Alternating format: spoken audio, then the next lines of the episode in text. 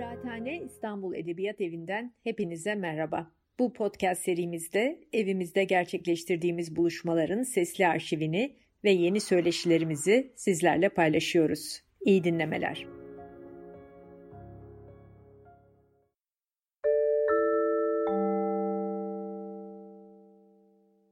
İyi akşamlar herkese, merhabalar.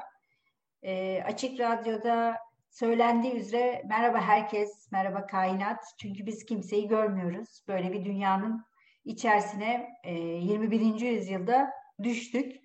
Ve bu düşüşümüzü biraz daha farklı hale getirmek için de e, böyle webinarlar düzenliyoruz ve e, daha önce konuşulmamış konuları, daha önce edebiyat tarihimizde e, ele alınmamış konuları ele almaya çalışıyoruz kıraathane e, dünyasında diyeyim.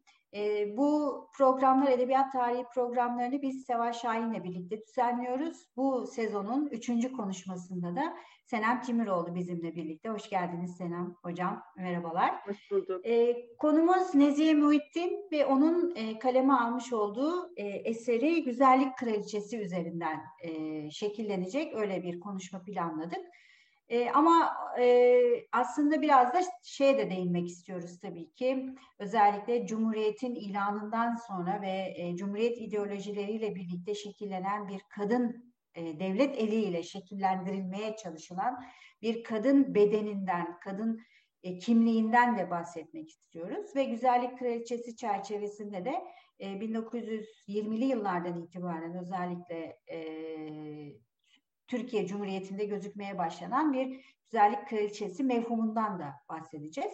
Aslında güzellik kraliçesi yarışması da her konuda olduğu gibi e, antik dünyaya, e, mitolojiye kadar uzanan bir e, mesele. E, çünkü dünya bilinen ilk güzellik yarışması e, sonuçta bir savaşa neden olan bir güzellik yarışması Truva Savaşı'na neden olmuş. Demek ki aslında e, güzellik yarışması iyi bir şey değil. Çünkü sonuçta bir savaş ortaya çıkartmış.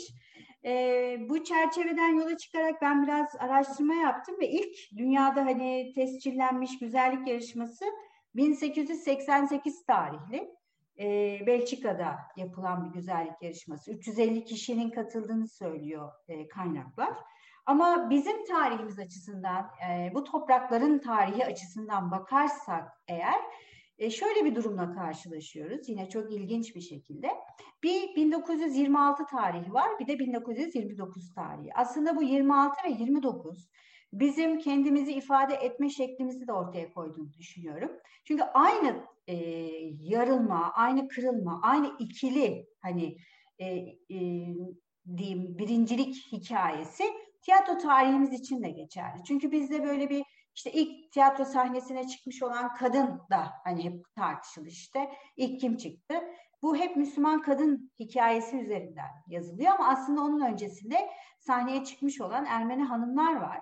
Ve sahneye çıkmış olan edebiyat, e, tiyatro edebiyatı tarihimiz açısından bakarsak da Fanny'yi görüyoruz. Ama Fanny'nin ismi geçmiyor da e, Müslüman hanımların ismi geçiyor. Bunda bir beis yok ama tarih yazarken de hani böyle bir ikilik yapmak e, özellikle kadın tarihi açısından kadınlar yazdığında olmuyor. Bunun da bir erkek yazım tarihi şekli olduğunu düşünüyorum.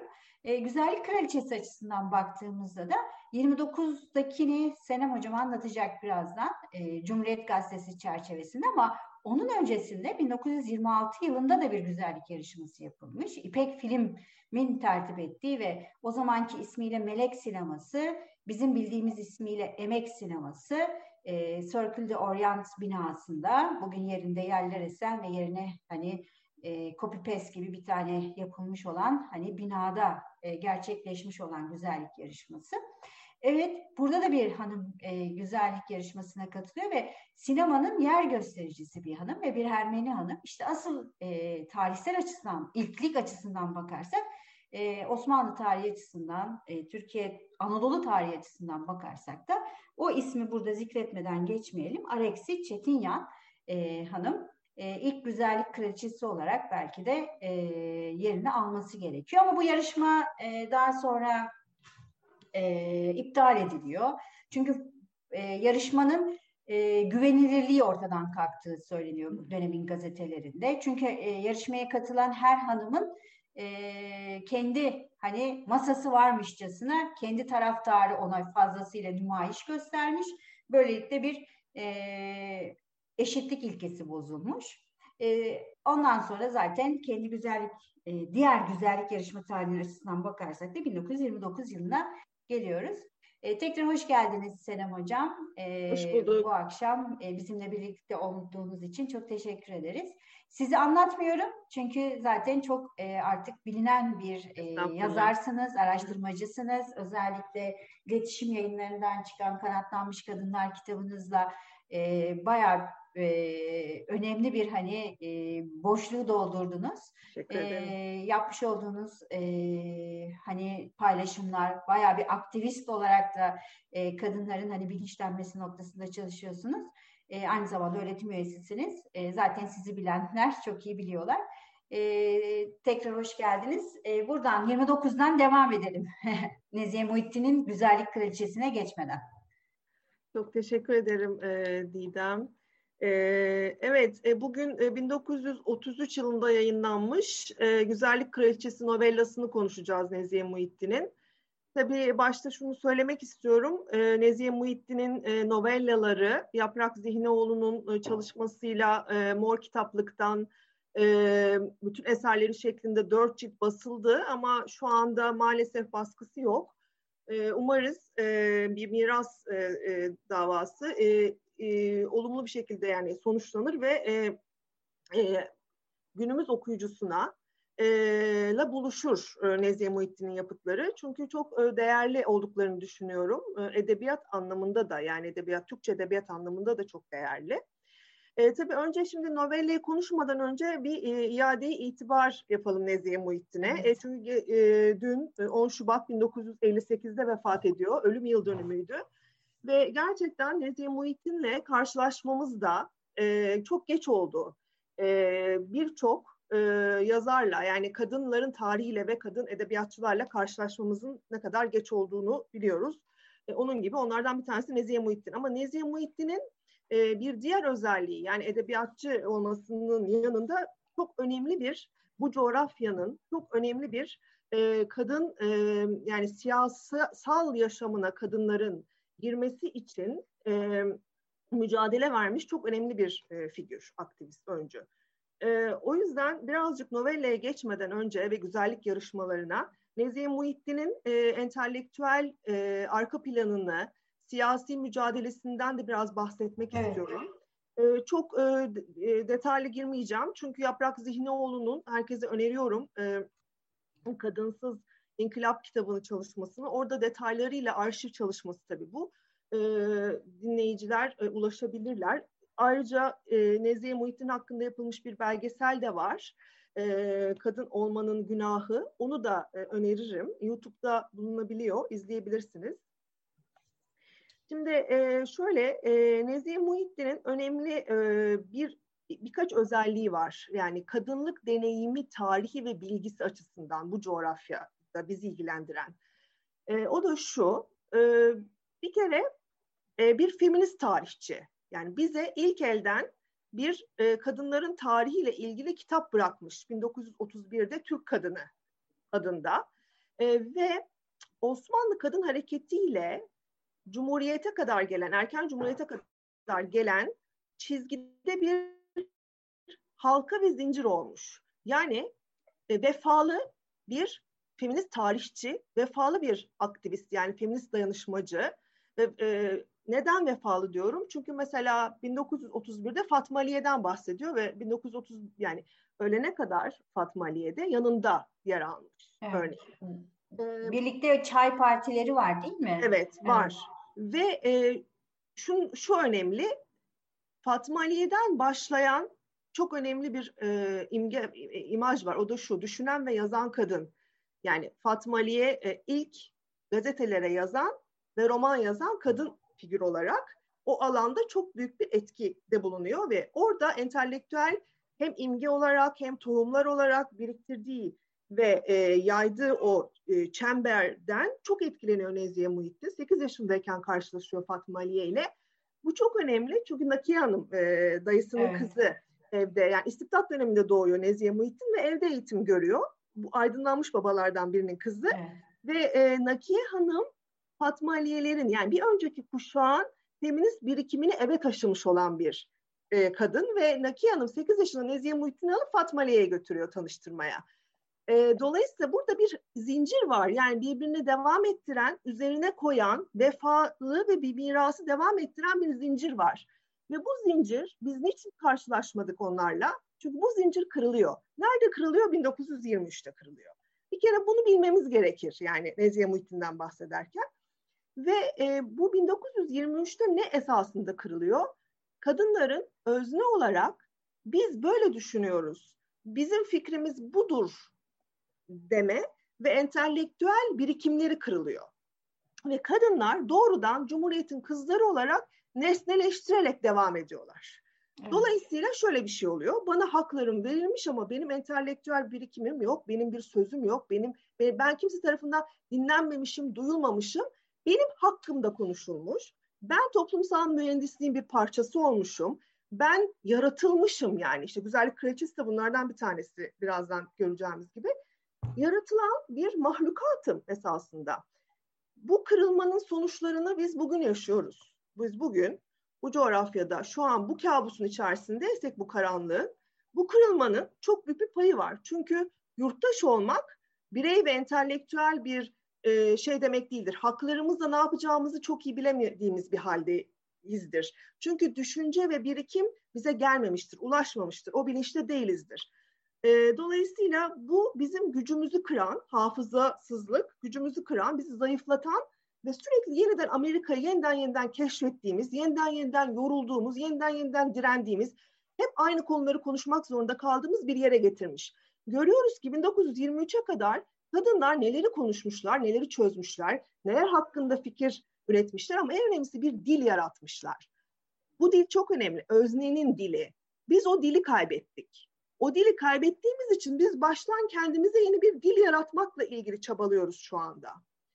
Ve o dil nedir?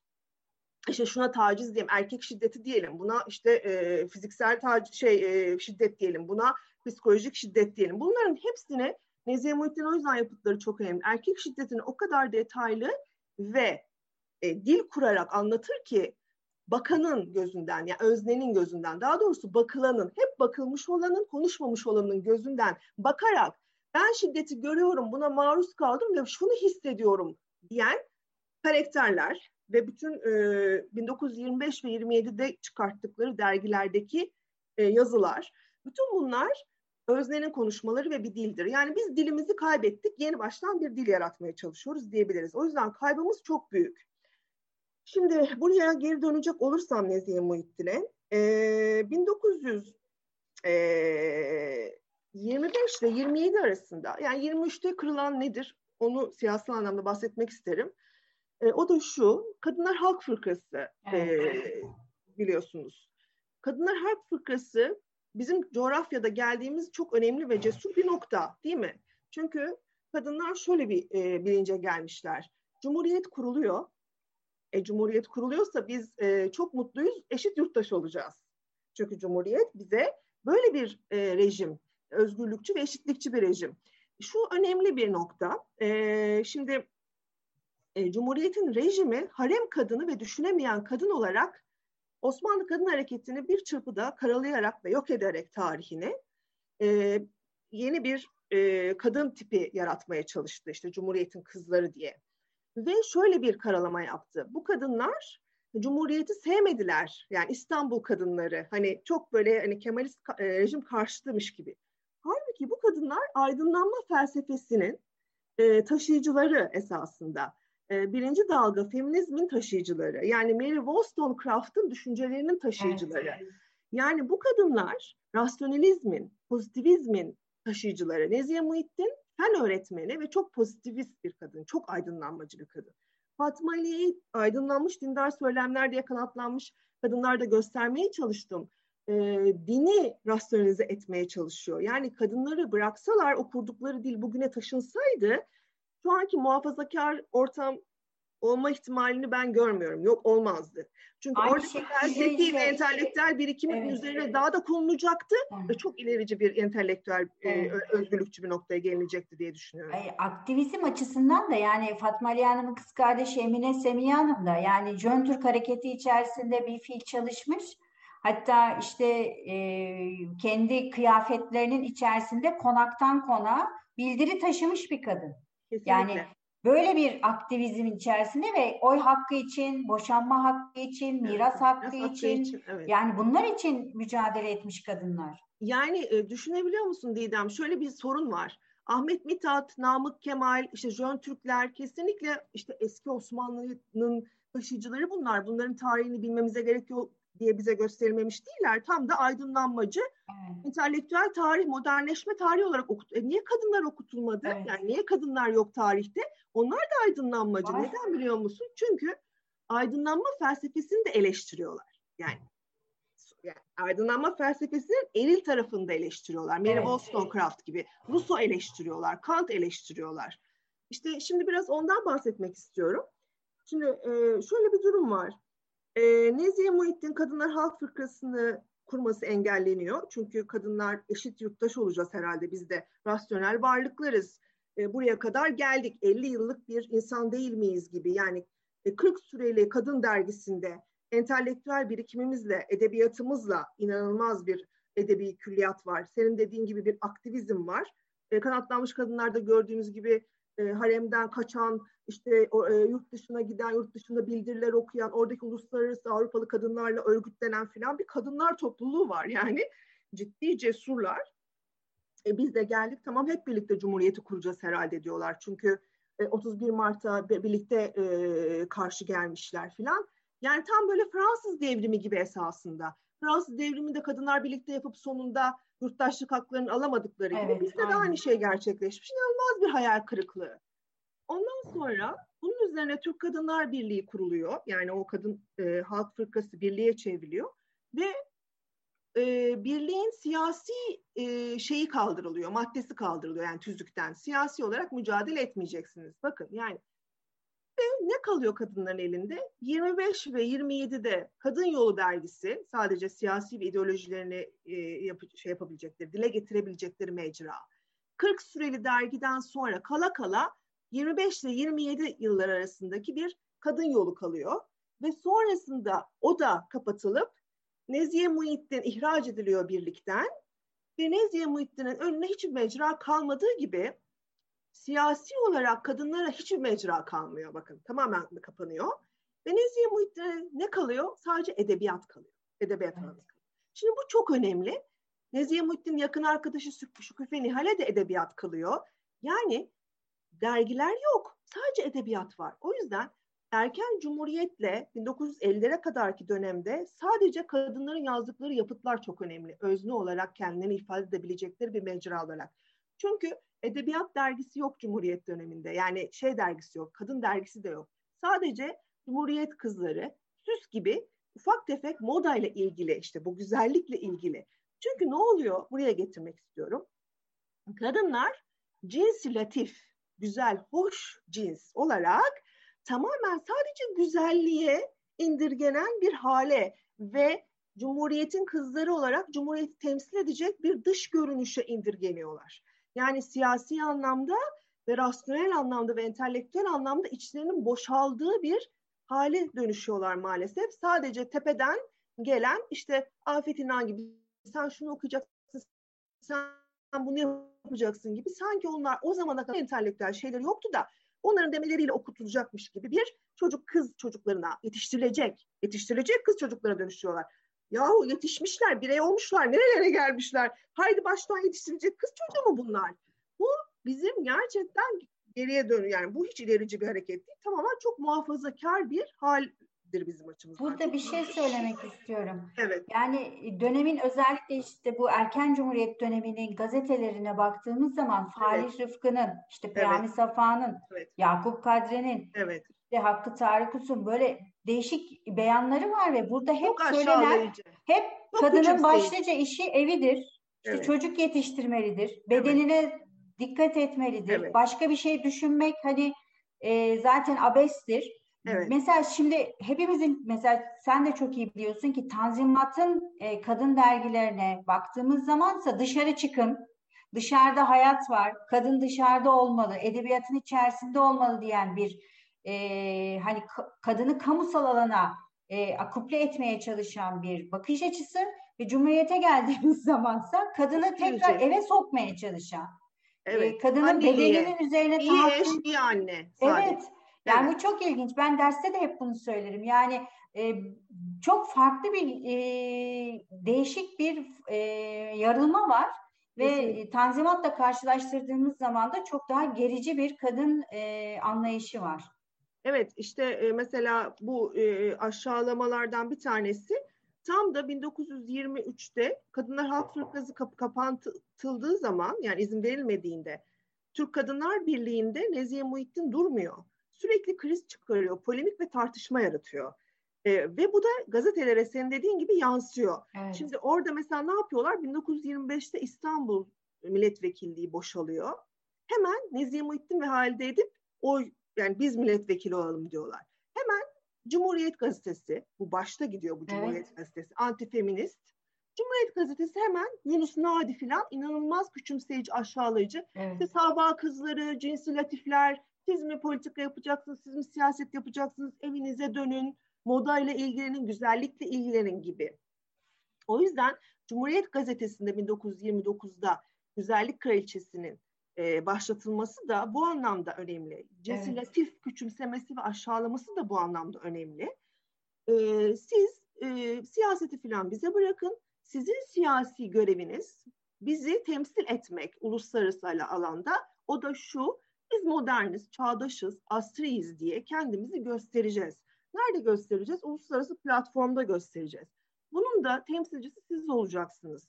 Bu Batılı Patriarkanın da yaptığı bir şeydir. Batılı zaten sen ne dedin? 1888'de evet. Belçika'da güzellik kraliçesi başlamış. Şimdi zaten bu Kant'ın e, da şeyidir. Yani güzellik ve yüce e, üzerine yazıları, Rousseau'nun Emil e, kitabı, işte e, küçük kız çocukları e, evlenmek üzere yaratıldıkları için biyolojik olarak e, anne olmak için yaratıldıkları için öyle bir eğitilecekler ki e, erkeği haz duygusu, yani arzu nesnesi, yani arzulanmak üzere eğitilmek, haz e, duyurmak üzere eğitilmek. Bu şekilde bir eğitim olması gerekiyor bu cinsin diyor Rousseau zaten. Mary Wollstonecraft da ona bu açıdan karşı çıkıyor. Diyor ki küçük kızlar beden hareketleri yaparak özgürce tarlalarda koşarak yetiştirilseler, e, özgürce zekalarını e, e, bileyebilseler, kırılgan zaafları olan ve e, zayıf vücutlu ve zayıf duygulu neler olmazlar? Biyolojik olarak cins olmazlar.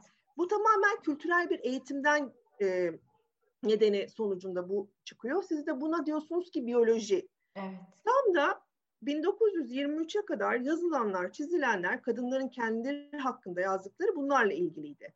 Ee, Cumhuriyet rejiminin ve aydınlarının ise tam da söylemi bu Rousseau ve Kant çizgisinde, aydınlanmacı felsefecilerin çizgisinde hayır kadınlara güzellik ve estetik hoş görülmeye yakışır.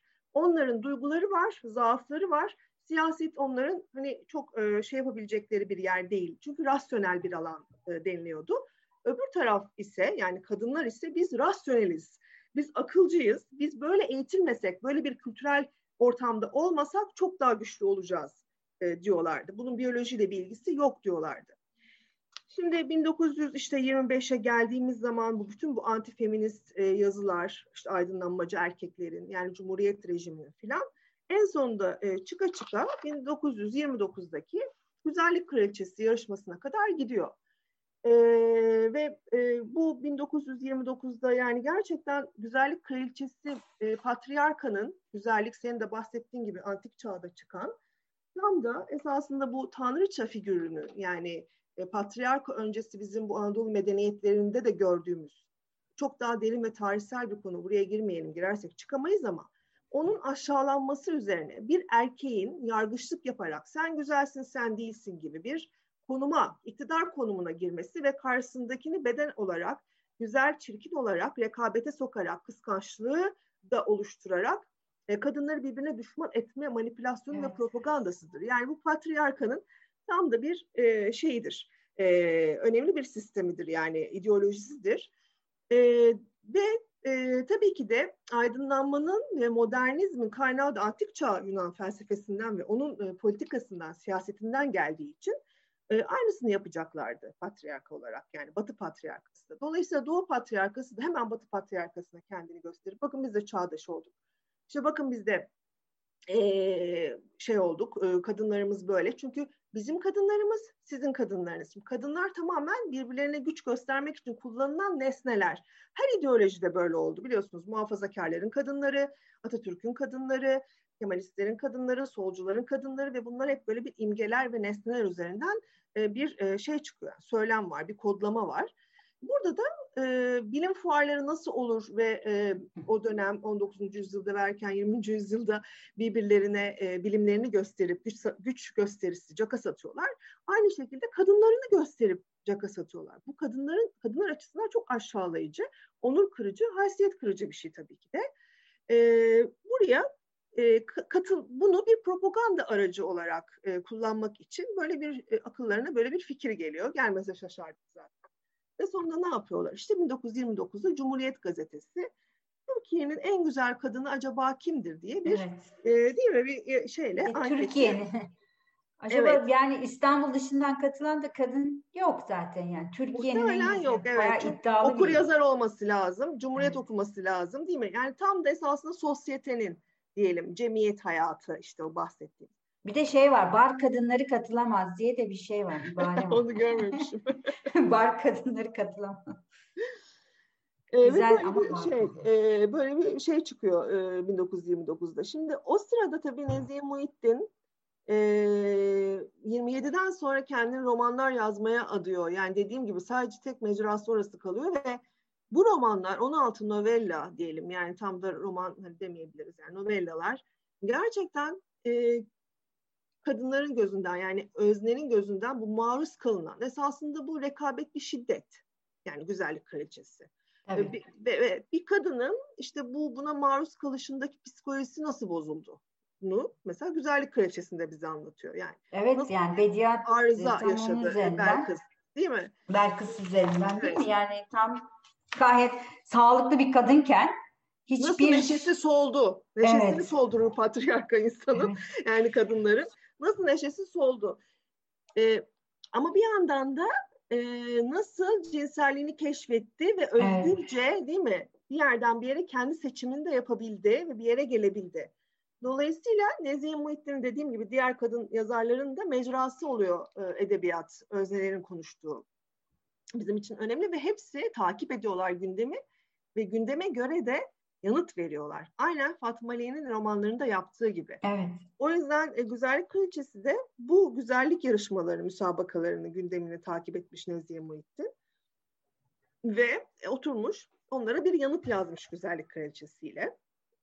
E, şimdi burada e, birazcık o yüzden şeyden bahsetmek istiyorum. Yani sistem nasıl gelişiyor?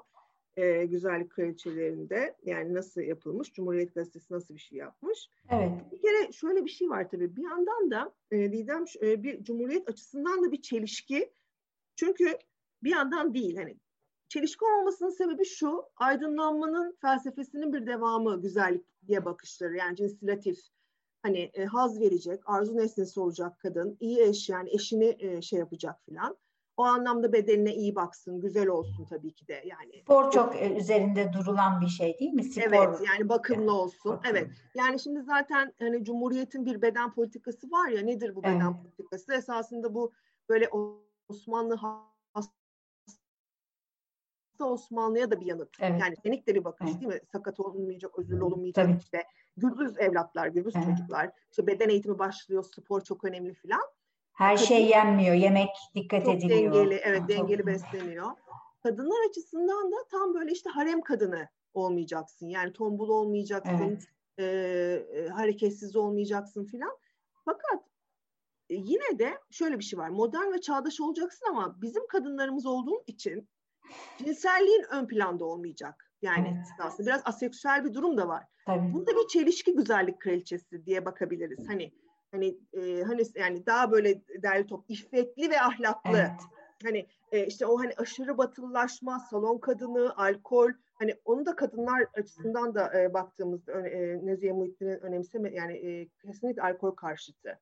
1925 ve 27'deki yazılarında biraz ondan bahsederim ama yani Cumhuriyet o anlamda da çelişiyor. İşte bir salon kadını, şuh kadın, cinselliğini ortaya koyacak bir kadın değilsin. Ama o yüzden de zaten 33'te bitmiş yarışmalar. Çünkü artık zarar verdiğini ve bir yandan da görevimizi tamamladık. Niye? 32'de görevini tamamlıyorsun Keriman Halis'te. Birinci oldu. Evet. Belçika'da biliyorsun. E, ondan bahsederiz. Görevini tamamladı mı tamam bitti artık güzel kraliçesi yaptı. Şey gibi, televizyon yarışması gibi yani. Televizyon yarışmasında artık katılmıyoruz ya TRT'de. Yani ha, evet. kendimizi ispat ettik. Birinci ispat olduk. Tamam ettik, artık evet, yeter. Birinci olduk. Tamam artık yeter. Evet. Ee, şimdi süreç şöyle işliyor. Cumhuriyet Gazetesi okuyucuya soruyor önce. Diyor ki işte Türkiye'nin en güzel kadını acaba kimdir? Kimdir?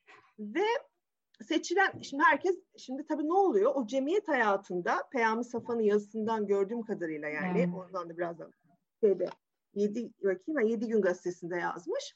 Bu gerçekten ciddi bir krize yani toplumsal ve sosyolojik bir olaya sebep oluyor. E, aileler falan işin içerisine giriyor. Yani e, kızımız katılsın mı katılmasın mı yani bir strese sebep oluyor. Herkes fotoğraflarını gönderiyor. Orada fotoğraflar yayınlanıyor. Oradan evet her gün bir fotoğraf yayınlanıyor değil evet, mi? Evet. Evet. Oradan seçilenler jüri karşısına çıkacak. Ve jüri de çok ilginç yani. Jüri yani ilginç değil aslında. Tam da işte aydınlanmacı aydınlanmanın yani jürisi. Aydınlanma e, evet. yazarlarımız ve gazetecilerim. Kimler bunlar? İşte Peyami Safa bir kere zaten başrolde. Başrol. Bütün evet, şeylerde evet. var. E, e, yarışmalarda var bütün jürilerde var baş köşede ve onun dışında aileler önden kızlarını gösteriyormuş ona. O da bu girsin bu girmesin diyormuş. Bazılarının morali bozuluyormuş. Onları teselli ediyormuş. Kadınlar üzerinde psikolojik sorunlar oluşuyor. Aileler üzerinde diyor. Kendisi de diyor bunu. Yani olumlu yanları var, olumsuz yanları var müsabakanın diye. Ondan sonra Abdülhamit zaten şaşırmadım. Hani e, evet. e, o e, gerçi Lüsyen Hanım da yanındaymış en azından. Güzelden anlıyor. Halit Ziya, Cenab Şahabettin, Hüseyin Rahmi, Zekeriya Sabiha Sertel, bir sonrakinde evet. Şükrü Fenihal. Ama mesela şuna şaşırdım. Yeni çıkacak bir kitap bu arada. Buradan da yani çıktı hatta e, şeyini yapalım, tanıtımını. Lerna Ekmekçioğlu'nun Bir Milleti Diriltmek. Toplumsal cinsiyet ekseninde Türk Türkiye'de Ermeniliğin yeniden inşası kitabında, kitap tanıtımında gördüm. E, 1932 jürisinde yani Keriman Halis'in seçildiği jüride Hayganuş Mark da var. Hmm. Mesela bu enteresan. Evet. Buna bakmak lazım. E, dolayısıyla e, böyle bir hani e, kültürel bir olay da bu buradan gördüğümüz üzere. Yani çok böyle e, cemiyet hayatı ama aydınlanmacı kültürel bir şeyin de içerisinde bir olay.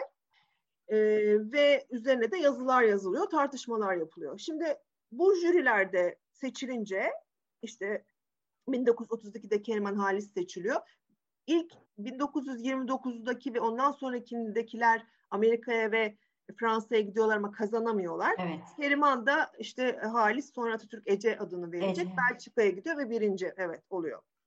Ve burada amaç Türk ırkının güzelliğini e, şey yapmak zaten, e, ispatlamaktı.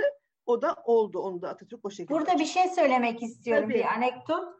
1929'da e, Feriha Tevfik birinci seçiliyor ama aslında e, birinci Hicran Hanım isimli bir hanımmış. Hı hı. Ama nişanlı oldu ortaya çıkmış. Yani aynı hikaye hiç değişmiyor. Mesela Hülya Avşar da güzellik yarışmasında birinci olur ama daha sonra onun da nişanlı olduğu belli, belli ispat edilince onun da güzelliği elinden alır. Yani böyle bir hikaye e, güzellerimizin üstünde de hani e, evet, e, hak ettikleri şeyi sağlayamıyor. Hicran Hanım da yani hicran oluyor hayat demek ki. Daha sonra hatta bazı e, Hollywood'a falan gitmiş işte bir takım böyle sinemalarda e, görevler almış ama daha sonra benim takip edebildiğim kadarıyla da hayatıyla ilgili başka bir bilgi e, bulamadım. Yani güzellerin de, senin de dediğin gibi böyle bir rekabetçi işte o birinci, o ikinci, ben güzelim, o çirkin.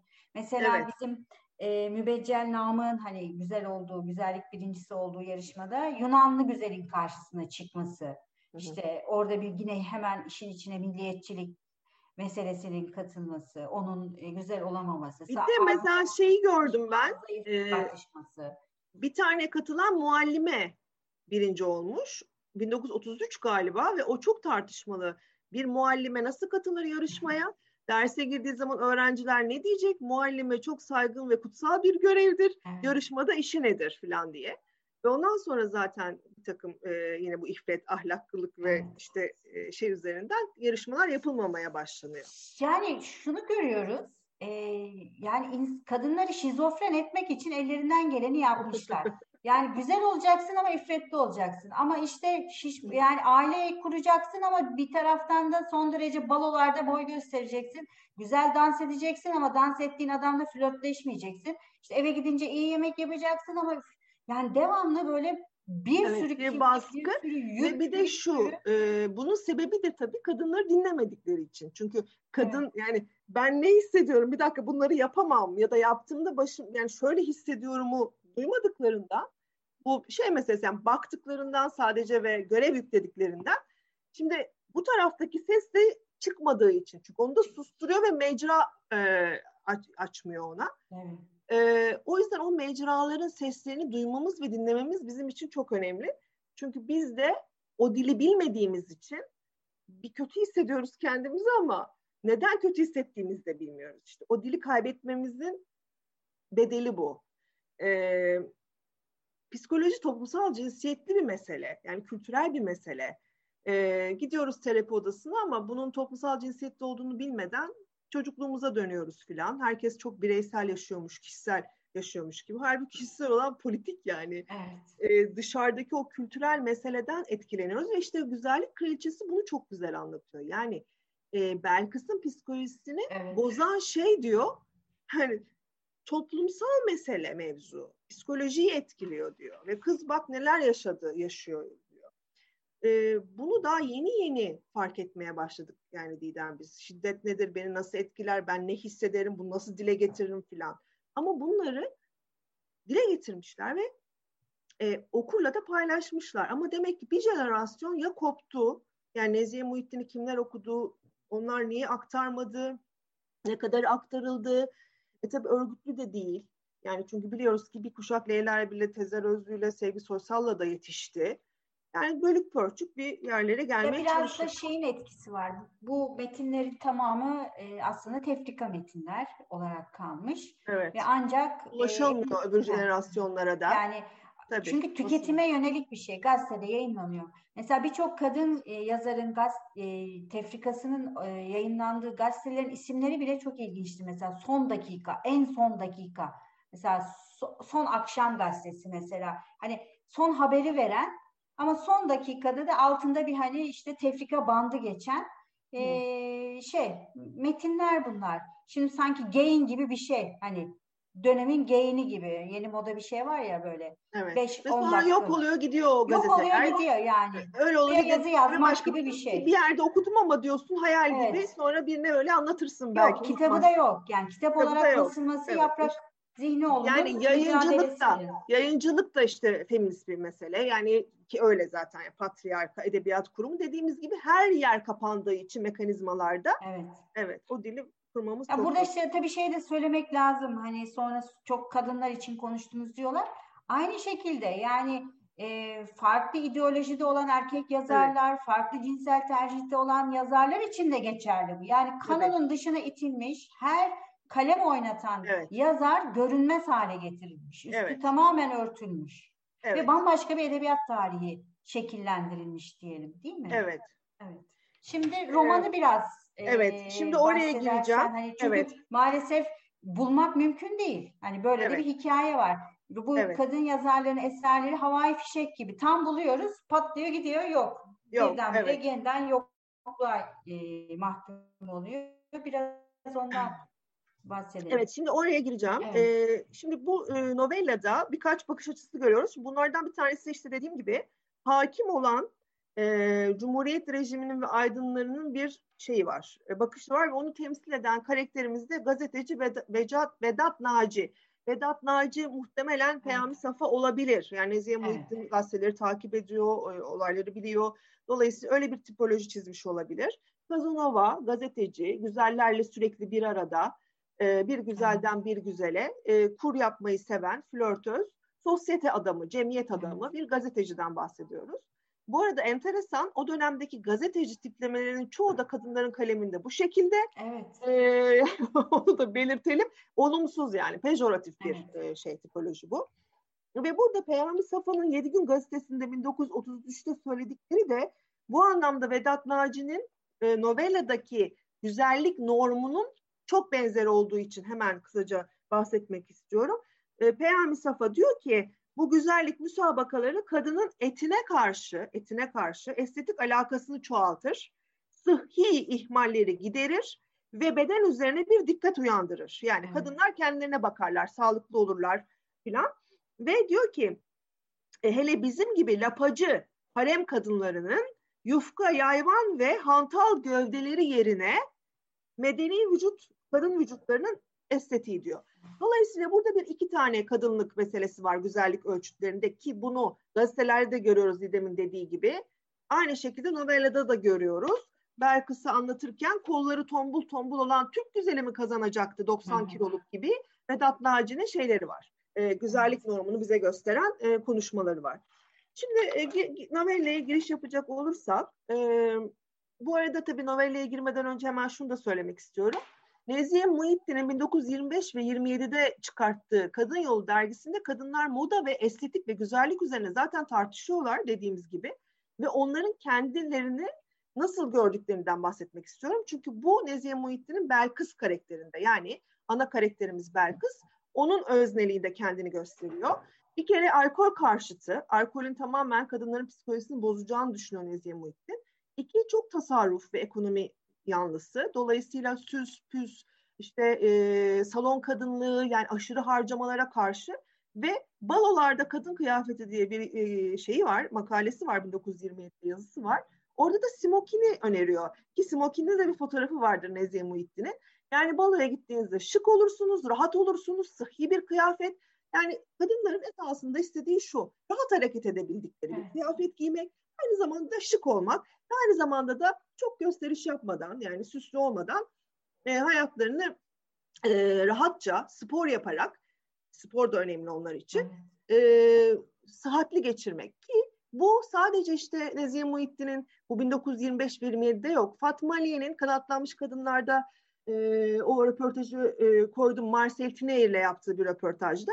Bunu söylüyor. Diyor ki kadınlar diyor bahçeye çıksınlar, hareket etsinler, yürüsünler. Bu bizim e, kafeslerde tıkılma kültürü tamamen D vitamininden eksik kalmamızı, sıhhatimizin bozulmasına falan neden oluyor. Hareket ed- etmeliyiz. Yani esasında kadınların istediği şey bu. Yani e, Cumhuriyet'in işte Tabii. sıhhatli beden politikasına falan gerek yok. E, yani evet ya da harem kadını işte yavanmış da lapacıymış falan diye bir şey yok. Onlar da harem kadını tırnak içinde. Ve onlar da istiyorlardı tabii ki de dışarı çıkmak ve bunu dile getiriyorlardı. Dolayısıyla e, Belkıs tam da Nezihe Muhittin'in istediği tipte bir kadın evet. yani karakter olarak. E, nedir? Şöyle e, annesi yok, babası yetiştirmiş onu ve bu erkeklik tiplerinden beş erkeklik tipi var. Birincisi Adnan Bey, Aydın Baba. Yani Nezihe Muhittin'in babası esasında, aydınlanmış baba. Nedir? Kızını kız çocuğu gibi değil de hani o Rousseau'nun bahsettiği kız çocuğu gibi değil de yani evlenilecek ve erkekleri e, arzulatmak için kendine haz e, duyulacak bir kadın haline getirmek değil de bir erkek çocuğu gibi, oğlan çocuğu gibi yetiştirmiş. E, serbest e, kırlarda koşarak falan yetişmiş, spor yapmış ve erkeklerle müsavi yani eşit ilişkiler kurmuş bir e, kadın karakterimiz var Belkıs. Ki zaten nişanlısı da birlikte büyüdükleri Nedim Münir. Nedim Münir. Ve Nedim Münir de ikinci erkekliğimiz Paris'te e, psikoloji e, yani e, tahsili yapıyor. Şimdi bu da çok önemli çünkü psikoloji novellanın tam merkezinde yer alıyor. Çünkü ilmi bir e, mesele ve Nezihe Muhittin gerçekten de e, aydınlanmacı ve pozitivist ve ilmi baktığında zaten söyler ve bilinç dışı kelimesini de çok kullanıyor. Yani e, o e, psikolojinin tabirlerine de e, psikolojiye de şey e, hakim bir e, dili var e, novellada. E, Nedim Münir e, tam böyle yeni ahlakı temsil eden yani musavi, eşit kadın ve erkeğin ve bir de dost olmalarını. Yani Vedat Naci'den farkı şu. Vedat Naci kur, Kazanova, fethetmek, güç savaşı, kıskandırmak falan üzerine bir erkeklik gider giderken Nedim Münir biz ikimiz de eşitiz. O yapıyor, ben yapıyorsam o da yapıyor, yapabilir. İşte ben e, silah kullanıyorsam o da kullanıyor. Ben ata biniyorsam o da ata biniyor gibi insan olarak görüyor e, Belkıs'ı ve ilişkiyi de o e, şeyde kuruyor, eşit bir yerde kuruyor. E, ve Nezihe Muhittin de zaten Belkıs ve Nedim Münir'i e, bize olumlu karakter olarak e, ön plana çıkartıyor. Bir diğer e, geleneksel erkeklik var. O da Nedim Münir'in babası, enteresan Ziver Paşa. E, bir de Harun Mecdi var ki zengin işte koyun tüccarı. Evet. Güzellik kraliçelerinin e, ondan sonra zengin erkekler yani hemen güzel kraliçesi olunca çiçekler gönderen, onları şatafatlı bir şekilde sosyete, sosyete adamı yani ve zengin bir adam. Şimdi önümüzde bizim böyle bir farklılıklar varken Belkıs bu farklılıkların hepsini deneyerek en sonunda kendi seçimiyle Nedim Münir'e geri dönecek. Evet. E, bu önemli. Yani e, dışarıdan şunu yap bunu yap diyen birisi yok. Adnan Bey diyor ki benim kızım bilir ne yaparsa o yapar. Yani seçimi tamamen kızına bırakmış bir baba var. Bu çok önemli. Dolayısıyla önemli ve e, olumlu figürler Adnan Bey, Belkıs ve e, Nedim Münir diyebiliriz. E, ama yine de Harun Mecdi ve Vedat'ı da çok e, olumsuz e, görmüyoruz. Çünkü hepsi saygılı ve sınırlarını bilerek davranıyorlar erkek karakterler olarak. Diğer novellelere baktığımızda Nezihe Muhittin'in birçok erkek şiddeti göstermiş, sınırları aşmış e, erkek karakterler de görüyoruz. Tabii benliğim yani benimdir de mesela. Tabii. Değil mi? Yani, Orada bir de avare kadın mesela onu da öneririm. Tüylerim diken diken olarak e, e, okudum o avare kadını. Gerçekten çok e, şeydi. E, erkek şiddeti çok yani yazamayan bir kadın da değil. Dolayısıyla e, burada e, onları da sınırları bilen erkekler olarak çizmiş. Şimdi e, novellamız aynaya bakarak açılıyor. Yani ben evet. aynaya baktığı bir sahneyle açılıyor. Bu çok manidar. Ve oğlan çocuğu gibi yetiştirilmiş ve erkeklerle hep eşit ilişkiler kurmuş, spor yapmış, sporun çok çeşitli dallarını yapmış bir kızın Yüzüyor, e, ata biniyor, evet, ata biniyor. Oynuyor, hep... C- evet, Jane Austen romanlarındaki gibi kadın olma, yani evet. kız ve kadın ayrımını patriarka yaptığı için söylüyorum. E, cemiyete takdim edilme günü ve o, o aynaya bakıyor. Tam öyle e, okuyabiliriz. İşte ve Lamia kız arkadaşı girip diyor ki olmamış biraz daha pudra. Yani başlıyor evet. bu yargıçlık meselesi. Yani ne olmamış? Neyim olacaktı da? Hiç gitmek istemiyorum diyor zaten. Zar zor evet. gidecek. Yatağıma geri dönmek istiyorum. Burada ne işim vardı diyen eleştirel bakan bir bakış var Belkıs'ta. Ve e, en sonunda işte gittiği zaman da baloya Nezihe Muhittin çok ironik bir tavırla oradaki bilmiyorum dikkat ettin mi? Kadınların fotoğrafçının önünde yani güzellik hmm. müsabakası yapılmadan önceki bir balo bu e, tuhaf varlıklar olarak e, tasvir ediyor. Yani e, diyor ki girişte fotoğraf makinesinin önüne dizilmiş bin bir çeşit e, şimdi bulamadım onu. Yani e, acayip makyajlarla, aşırı makyajlarla tuhaf tuhaf bakan kadınlardan bahsediyor. Yani bu olayı garipsediğini, esasında güzellik müsabakasını eleştiriyor Nezihe Muhittin. Onu demeye çalışıyor. Diyor ki sizin bu güzellik müsabakası yarışmalarınız kadınların psikolojilerini bozuyor.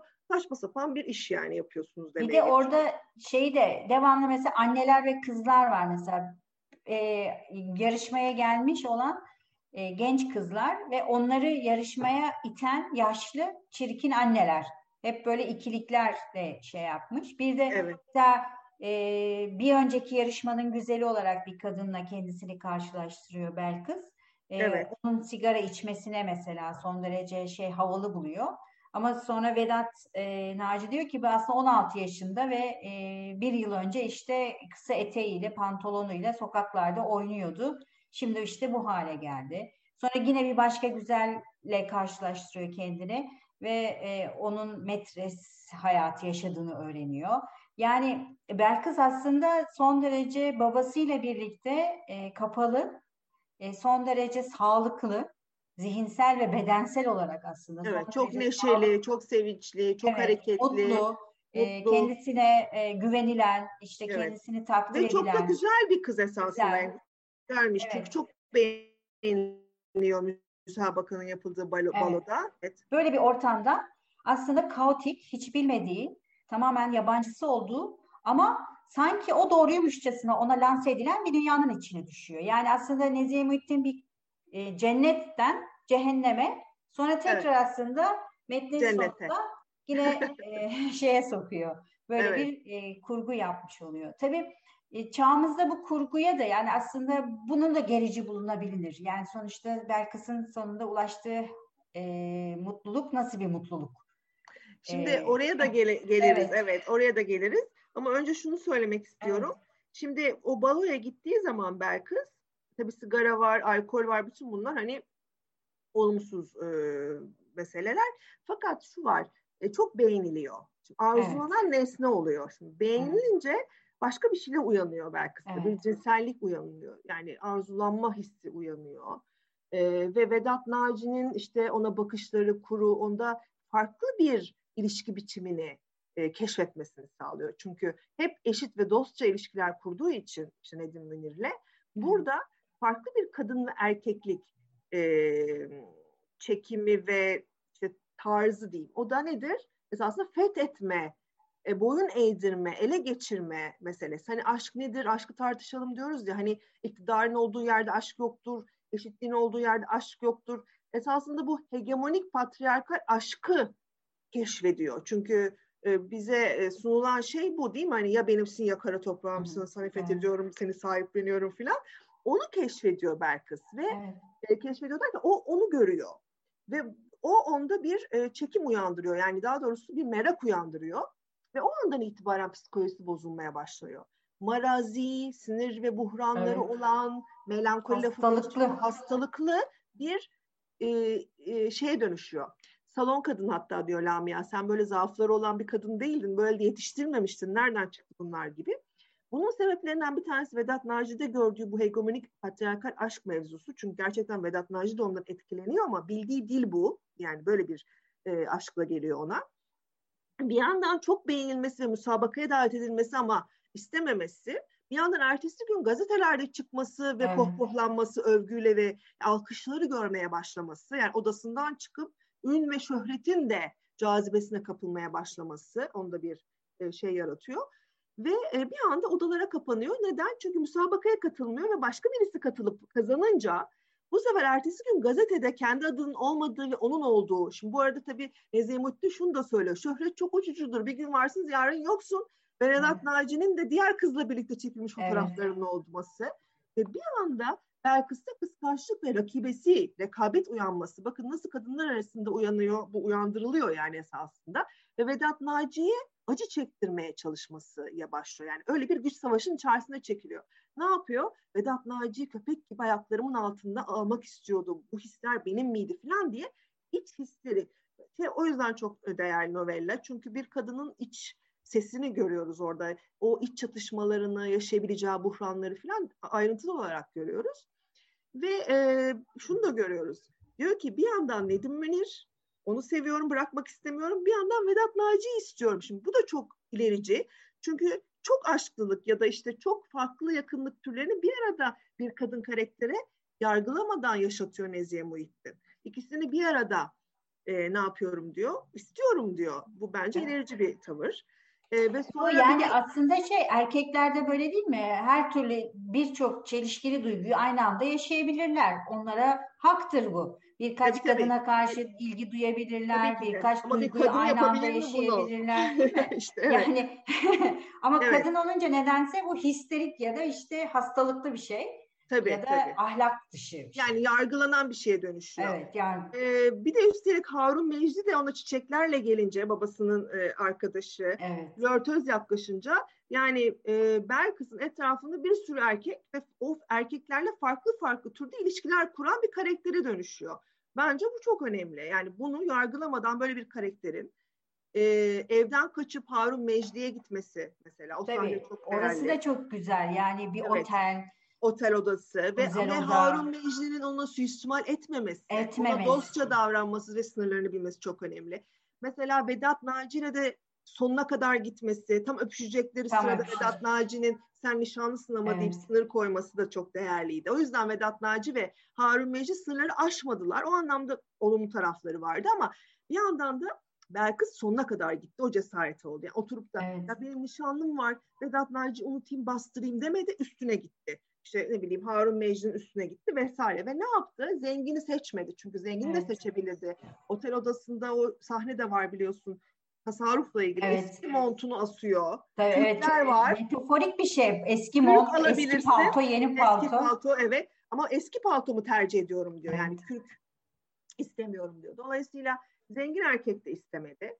Bütün bunları hani, e, yaşayarak ve deneyimleyerek yaptı. Ve sonunda seçimini de Nedim Münir'den dolayı seçti. Bir de şu da çok önemli. Nedim Münir Vedat Naci ile Belkıs öpüşürken gördü. Ve evet. öldürmek istedi içinden. Yani şiddet uygulamak istedi ama asri erkek olarak dedi ki ya ben bunu niye yapayım? Ben de Paris'te gittim kızları evet. öptüm. E, o da Belkıs da bunu yapabilir dedi. Bu da çok ilerici. Yani bu da hani biz müsaviyiz dedi. O da yapıyorsa ben de yapıyorsam o da yapabilir dedi. Ve e, onu da kabul etti. Vedat Naci gelip Nedim Münir'le dost oldu. Hani Belkıs'a böyle böyle yaptım ama işte yine bir sınır koydum diye. Yani bunlar çok modern ilişkilenme biçimleri.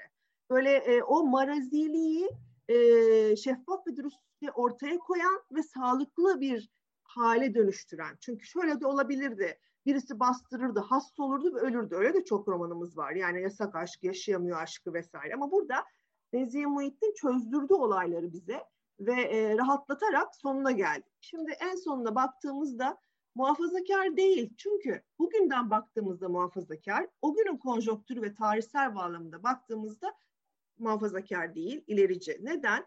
Çünkü birinci dalganın kadınlık tahayyülü, kadınların yani kadınlık tahayyülüne uygun, o da anne olmanın bir görev olduğunu evet. düşünüyor e, o, o zamanın kadınları. Yani daha ikinci dalgada değiliz, üçüncü dalgada değiliz, daha anneliği eleştirmiyoruz. Bizim hatamız her zaman için tarihsel evet. açıdan da bugünden oraya bakarak yargılamak oluyor. Nezihe Muhittin her zaman için şunu söylüyor zaten ama oradaki ilericilik şu. Nezihe Muhittin diyor ki ben damızlık değilim.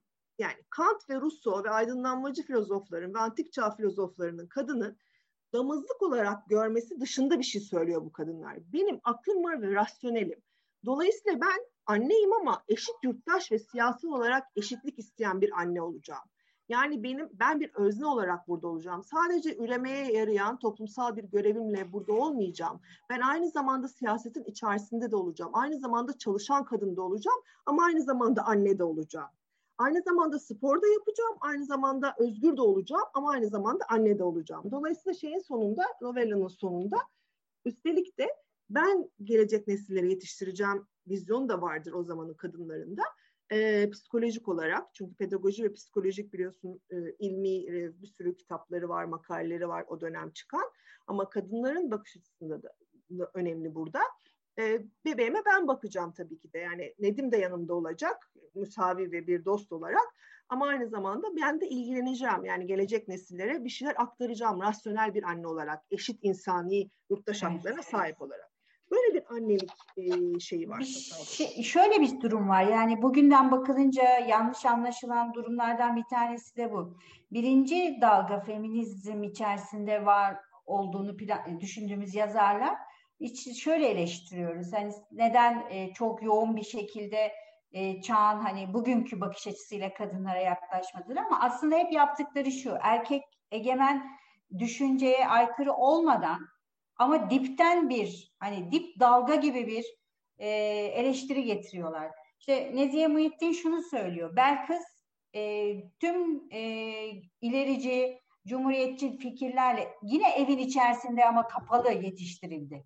Ve ilk defa dışarıya çıktığı an bocaladı. Bu bocalamasına Nezihe Muhittin izin veriyor çevresindeki erkeklerle ve sonunda kendince bir yol buluyor. Ve o yolda da e, kendi özgür iradesiyle bir seçim yapıyor. E, aynı hani aynı şekilde erkeklerin yetişmesi açısından baktığımızda da erkeklere bu hak veriliyor. Ama erkeklere bu hak verilirken kadınlara bu hak verilmiyor. Ama Nezihe Muhittin Belkıs'a bu hakkı veriyor. Çıkıyor, kendi bedenini tanıyor. Mesela e, güzellik yarışmasından geldikten sonra da odasına kapanıyor. Yeniden aynaya bakıyor. Ben o oraya mesela romanın üzerine şimdi bakınca not almışım. Tıpkı e, Halis Ziya'nın e, Aşk-ı Memnun'daki Bihter gibi. Böyle evet. o da hani beni aynaya bakar işte perde rüzgar eser ve çıplak bir şekilde doğayla bütünleşir ve aslında ilk defa e, bir e, bedensel haz yaşar ve bütünleşir. Belkıs'ta da aynı şey oluyor. E, Bihter Belkıs, Adnan Bey, Adnan Bey hani böyle değişik e, çok ilerici aşırı yorumlar bile yapabiliriz ama yapmıyorum şimdi.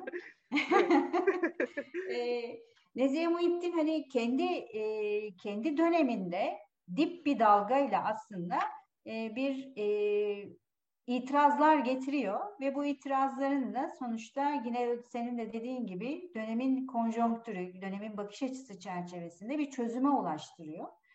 E, mutlu da bir sonla bitiriyor belki. Tabii belki daha uzun bir roman olsa yani noveladan daha uzun bir roman olsa bambaşka şeylere gidecek ama e, son derece e, aslında dönemin kadın okuyucusuna başka bir hayat, başka bir şekil, başka bir düşünce şekli, başka bir hayat şekli olduğunu söylemiş evet. oluyor. Evet. Evet, e, söyleyeceklerimiz bu kadar herhalde değil mi? E, bundan sonra soru alabiliriz belki. Evet. E, kat, yani bir katkı sağlamak isteyenlerle ilerleyebiliriz. Belki son olarak hani şunu söyleyebiliriz. Yani bu patriarkanın hani e, neşe soldurması yani çünkü bir yargıç göz evet. olmasına izin vermemek belki e, önemli burada. Hani e, kendi iç gözüne bakmak, kendine bakmak, kendi hislerine bakmak, kendi hissi çünkü belki sürekli mesela kendi hisleriyle hemhal yani şöyle düşünüyorum, şöyle yapmak istiyorum, böyle hissediyorum filan. O dış göze e, takıldığı zaman hemen neşesi soluyor e, melankoliye ve sinir asaplarına dönüşmeye başlıyor. İşte Lamia'yı da rakip olarak görmeye başladı biliyorsun bir süre evet. içerisinde ve evet, paranoya evet e, paranoya lafı da geçiyor. Paranoyalara falan kapılmaya başladı. Yani dışarıya bakmaya başladığında o yargıç göze sen işte istenmiyorsun, sen seçilmeyeceksin, sen sevilmiyorsun, işte sen güzel değilsin meselesine girdiğinde çünkü Vedat Naci Lamia ile arkadaş olmaya başladı biliyorsun. Evet. Hemen orada e, sinirleri bozuldu. Eline tabancayı alıp gidip onları vurmaya kadar getiren bir şeye dönüştü. Histeriye ve çılgınlığa dönüştü.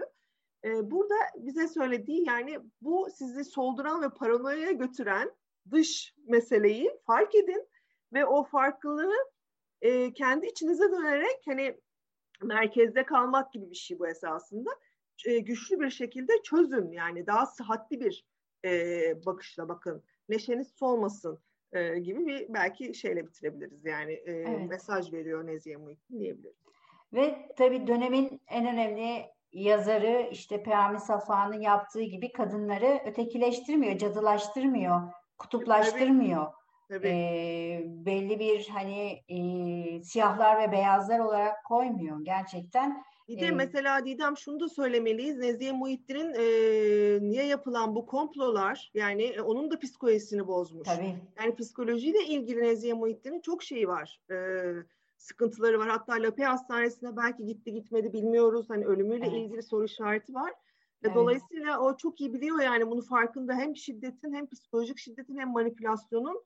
Ee, o yüzden novellalarda bu konuları irdeliyor olması da bir tesadüf değil. Kişisel Tabii olarak yani evet e, özellikle bu Kadınlar Halk Fırkası'nın kurulması aşaması sonrasında gelişen gazete üzerinden karalama kampanyası işte e, kendi kurduğu cemiyetinde parayı cebine attığına dair işte e, konular e, kamp yapıyor işte kızlarla kamp yapıyor onunla ilgili işte yok işte fırkanın e, odasında yatıyor yani bunlar hep gazetelerde çıkmış ve günlerce e, karalama çok şeklinde yıpratıcı. Tabii. Evet evet çok yıpratıcı yani bugün işte linç kültürü dediğimiz evet. ve what, e, işte Twitter'da ya da bir takım evet. sosyal medya aracılığıyla karşılaştığımız konuların aynısını Evet. E, Nezihe Muhittin de e, tek başına. Ve başka kadınlar da evet. gazetelerde poli, e, e, yaşıyorlar. Yani o yıpratıcı, aşağılayıcı, küçümseyici evet. laflarla, karikatürlerle. Evet, karikatürleri söylediğin iyi oldu. Özellikle bu erken cumhuriyet dönemi karikatürlere baktığımız zaman mesela Akbaba dergisi de bu noktada başı çekiyor e, kadınların hep e, istedikleri işte oy hakkı, seçilme hakkı, seçme hakkı gibi konularla ilgili mecliste olma haklarıyla mücadelesiyle ilgili son derece belden aşağı e, karikatürler yapılmış. Yani kadınların kadın düşmanı, işte, çok mizojenik, çok. çok kadın düşmanı. Yani sadece süsten, sadece dedikodudan e, işte sadece e, bu takım böyle havai şeylerden anlayanlar olarak hani çizilmiş olması ve bu konuda da ısrarla hani e, gazetelerde ve dergilerde e, bir, bir nevi propaganda yapılmış olması. Yani yine aynı şekilde ben yani hep Tanzimat ve me, e, erken meşrutiyet yıllarıyla karşılaştırınca böyle bir ortam yok yani böyle bir basın yok. Kadına karşı böyle bir e, cephe tersi, almış bir e, erkek Yanında giriyor. duran erkek aydınlar var. Evet, yani enteresan. Evet. Yani evet. o yüzden 19. yüzyılı ben çok seviyorum orada. Evet gerçekten yani 19. yüzyılın erkeğiyle 20. yüzyılın erken er, dönemi erkeğini karşılaştırınca çok farklı kimlikler ortaya çıkıyor. Çok. Ve e, bu da yani Nezihe Muhittin'in kendi bizzat yani kişisel tarihine baktığımız zaman da son derece e, acı. Evet. Sorulardan bir soru var. E, seninle de konuşmuştuk. E, neden hani özellikle Şükufe Nihal ve Nezihe Muhittin külliyatı basılmıyor diye. Bununla ilgili e, zaten e, şöyle evet. bir sen söylersen.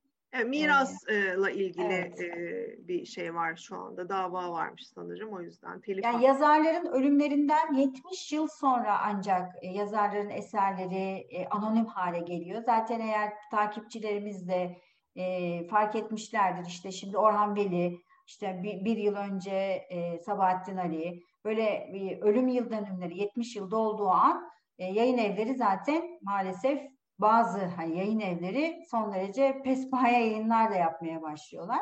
Evet. E, yazarların böyle bir e, telif hakkı nedeniyle e, bazen bu telif meselesi işte aile bireyleriyle halloluyor ve basılıyor. Ama ardından o basımlarda genelde yanılmıyorsam 5 yıl süreyle bir yayın evine geçiyor hı hı. E, en fazla. 5 yılda bitince tekrar bir telif hani sözleşmesi gerekiyor ve bu telif sözleşmesi de yenilenmeyince maalesef yazarlar yeniden görünmez oluyorlar. En çok görünmez olanlar da genelde bu işte zaten zamanlarından sonra görünmez olup bir an görünüp sonra tekrar görünmez olan yazarlara denk düşüyor.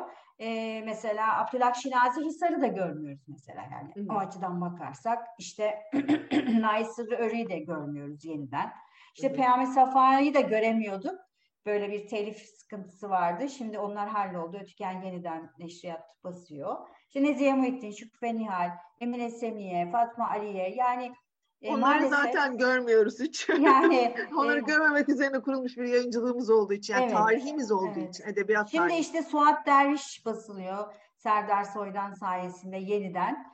E, yani birçoğu yeniden, daha doğrusu bir az kısmı yeniden, bazılarını ilk defa göreceğiz. Tabii yeni ee, keşifler yani, geliyor. Mesela Suat Dervişsiz bir hayat, yani edebiyat tarihi var önümüzde. Tabii. Ya gazete yazıları, ondan sonra tefrikaları, yani çok az eseri ortadaydı. Evet. E, bu şekilde maalesef e, 21. yüzyıldayız.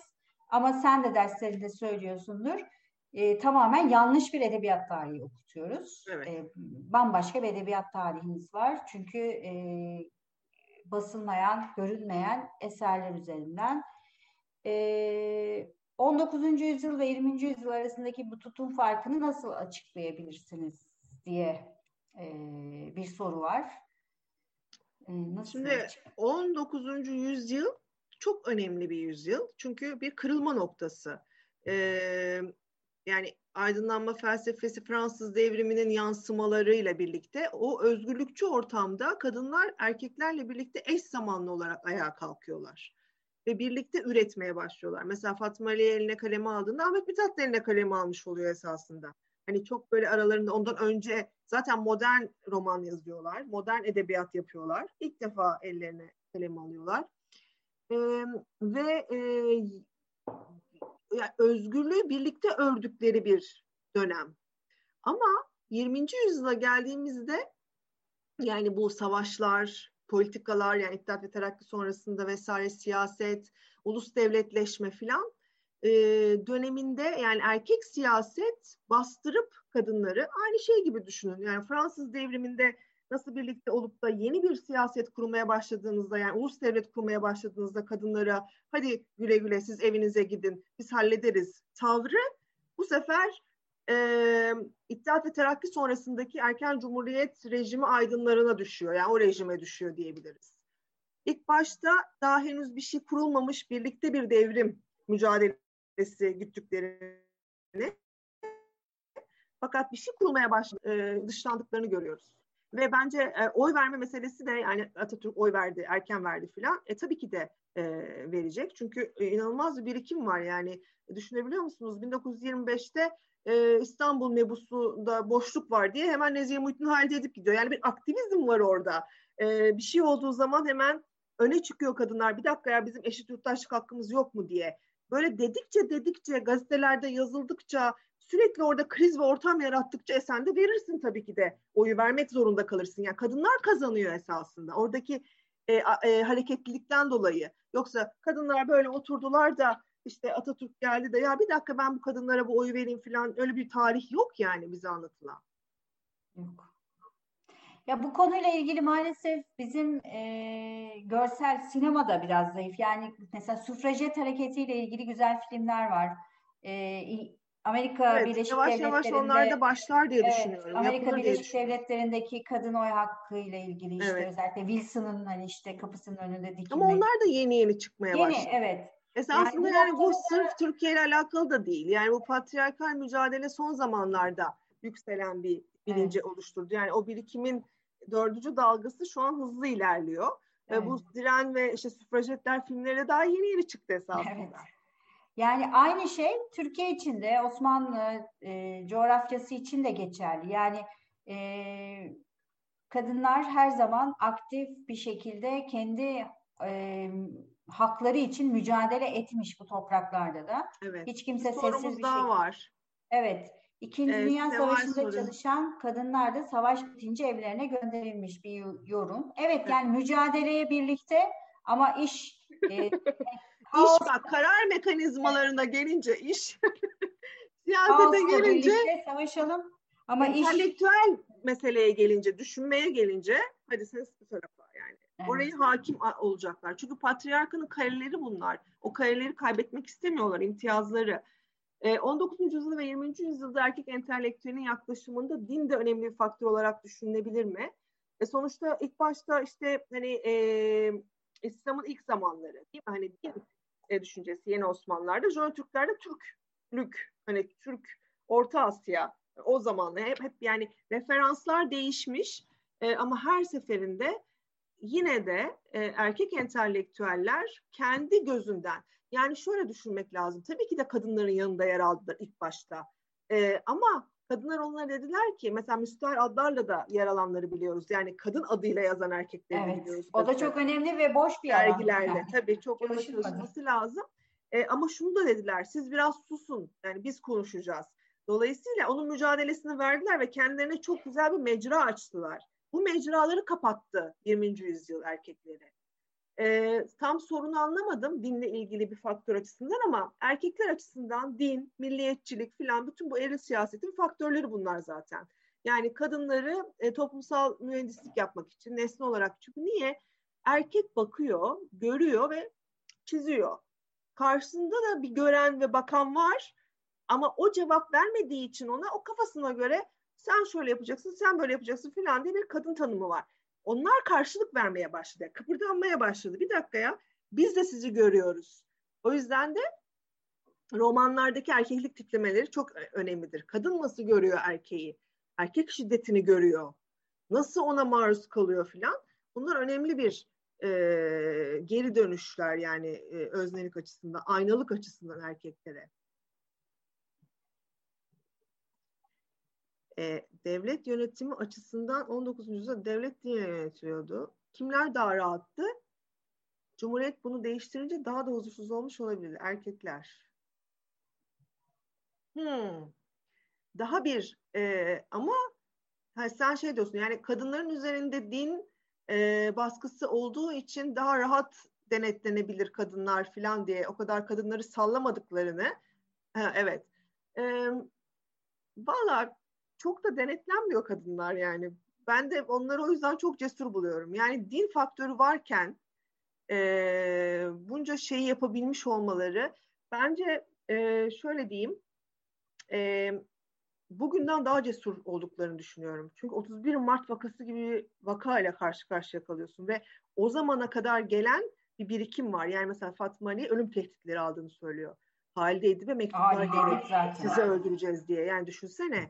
Ve buna rağmen var. inanılmaz bir şeyleri var. Yani mesela ben Hatice Zinnur'u işte kanatlanmış kadınlarda bakarken yani kıyafet değiştir. Düşünsene Abdülhamid yani istibdat dönemindesin. İstibdat döneminde Dışişleri Bakanı babası göz sürekli onların evinin üzerinde. O haldeyken sen bir de sen evlendirilmişsin bir de hamilesin. kıyafet değiştirip Avrupa'ya kaç falan. Yani çok evet. süper cesaret hareketler bunlar. Ellerinde de bir tane tabanca bir şey olsa intihar ederim. Yani gözlerini karartmış kadınlar çok cesurlar. Bu zamandan daha cesurlar bence. Evet. Evet. Yani o yüzden e, şöyle oldu bence tam tersi.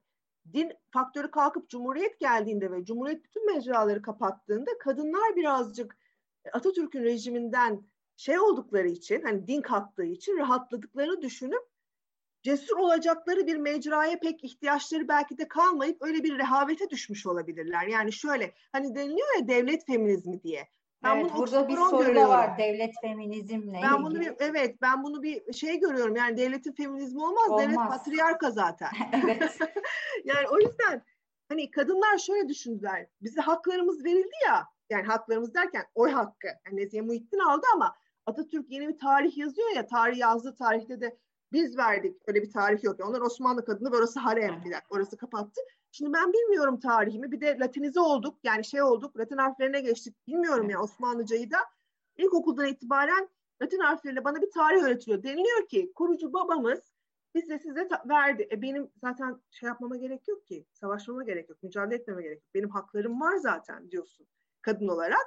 O yüzden de öyle bir mecra açmaya çalışmıyor kadınlar. Öyle bir e, mücadele vermeye çalışmadıkları için ne oluyor? Bütün dergiler erkek, bütün entelektüel alan erkek, işte jüriler erkek, bütün karar mekanizmaları erkek. Kadınlar bir anda e, şey diyorlar yani ya yazar da yok, Fatma Leyi de tanımıyorsun filan. Leyla Erbil filan tek başına yazar olmaya filan çalışıyor. Çünkü öncesinde bir şey yok. Yani Cumhuriyet'in yeni yazarları ilk defa kalemi eline alan yazarlar oluyor. Öyle olunca da ne oluyor? Jüriler, Asım Bezirciler filan, toplumsal gerçekçi filan kız gibi davranıyorlar onlara. Kız çocuğu gibi. Evet. Çocuğum iyi yazamadın yani toplumcu gerçekçi de değilsin bir tuhafsın. Hani e, dilin de bir tuhaf. Dilin de bir tuhaf. Ne yazdığın da belli değil. Yani filan filan böyle bir tuhaf bir duruma dönüşüyor. Yani.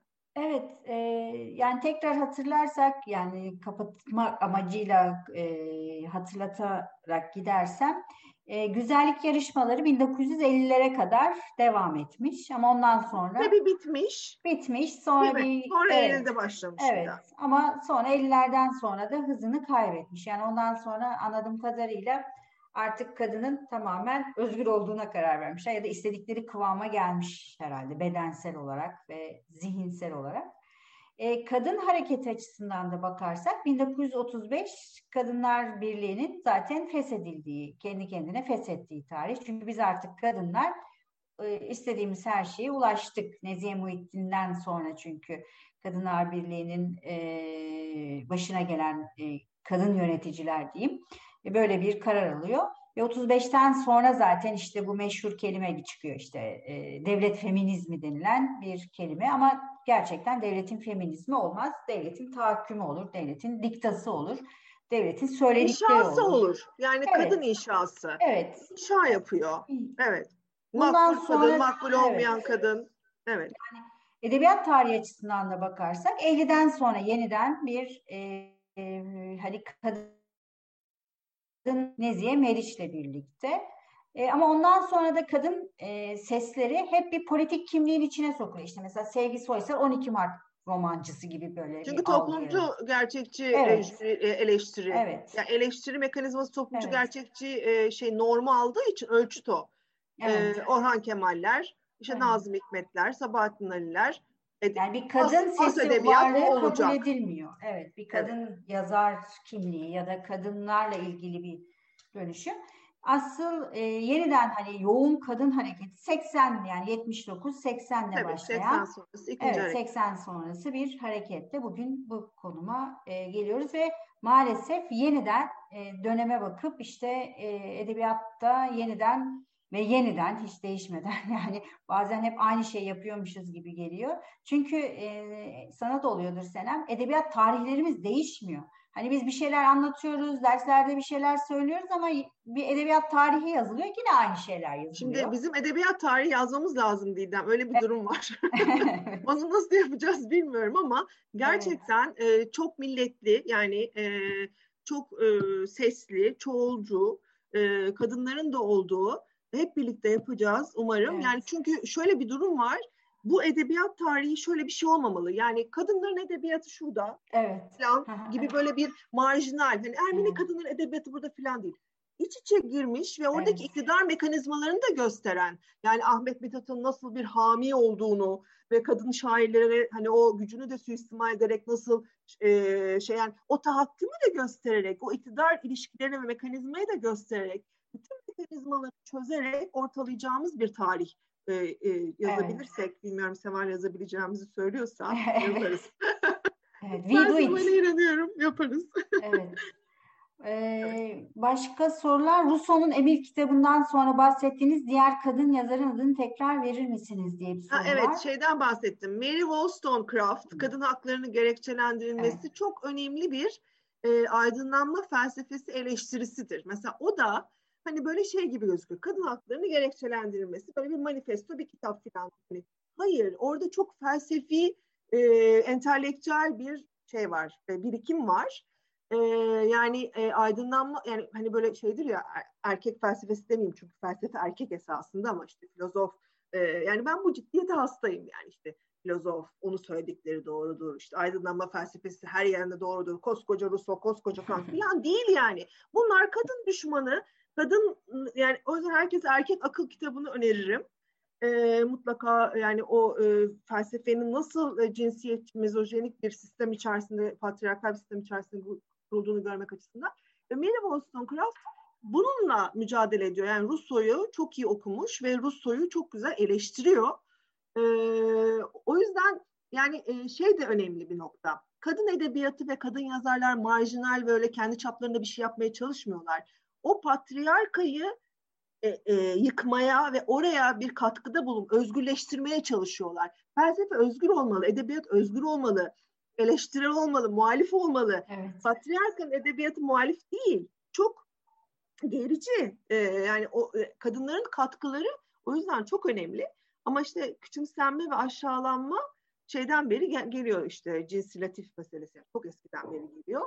Onun içerisinde saplanmadan işi ciddiye almamız lazım. O yüzden tarih yazılmalı dediğin gibi ve bunlar da okutulmalı. Yani e, siz bu anlamda e, yani biz e, işte alanı tutanlar da bunu okutacak yani e, ve bence şu da yapılmalı. Yani Fethi Naci okutulurken iki erkek sosyalist eleştirmen öyküsü evet, de okutulmalı.